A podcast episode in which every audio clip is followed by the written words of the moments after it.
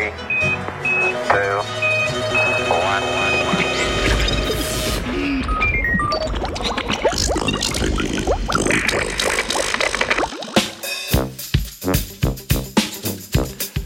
Gama izbruh perturbira vse po spisku.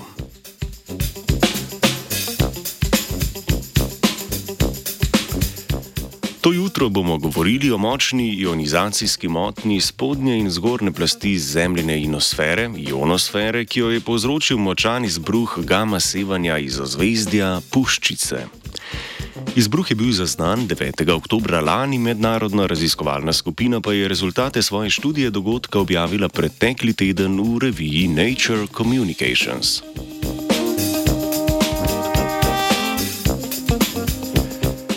Izbruhi gama žarkov predstavljajo največje eksplozije v vesolju, do katerih pride pri supernovah najtežjih zvest drugih galaksij.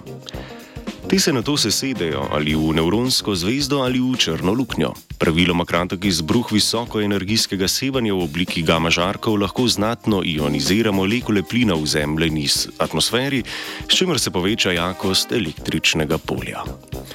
Spremembe električnega polja lahko zaznamo in izmerimo. Sateliti v naši orbiti so v zadnjem desetletju povprečno zaznali vsaj en izbruh gama žarkov na dan.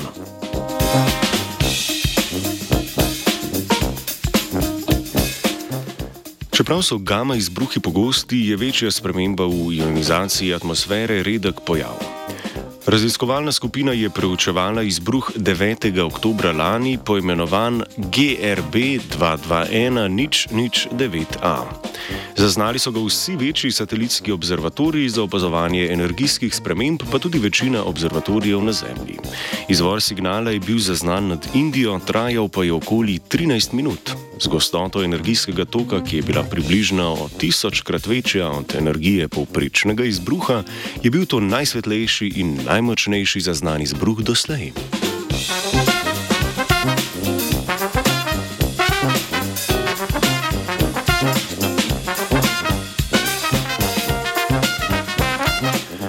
Raziskovalci in raziskovalke navajajo, da je izbruh najbolj vplival na predel atmosfere med 60 in 100 km višine. Zaznane so bile tudi motnje na zgornji plasti ionosfere.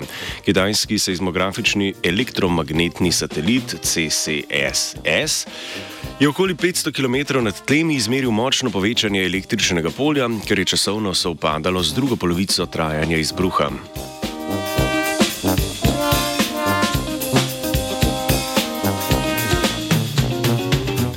Gre seveda za satelit CSIS. Za potrditev vzročnosti med izbruhom gama žarkov in izmerjeno motnjo električnega polja v atmosferi pa je raziskovalna skupina preverila podatke globalnega navigacijskega satelitskega sistema GNSS.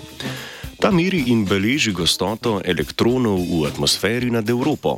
Tudi s tem satelitom so zaznali večje število elektronov v času trajanja izbruha, ki so posledica ioniziranja atmosfere.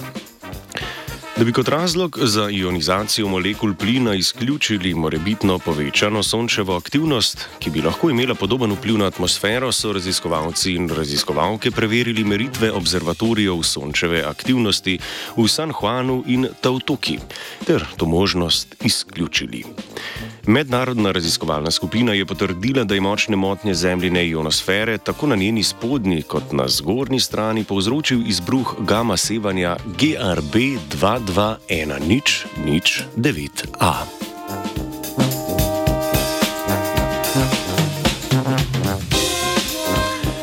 Na gama žarkih se sonči Filip, pokličete pa nas lahko na telefonsko številko nič 1 242 88 nič nič.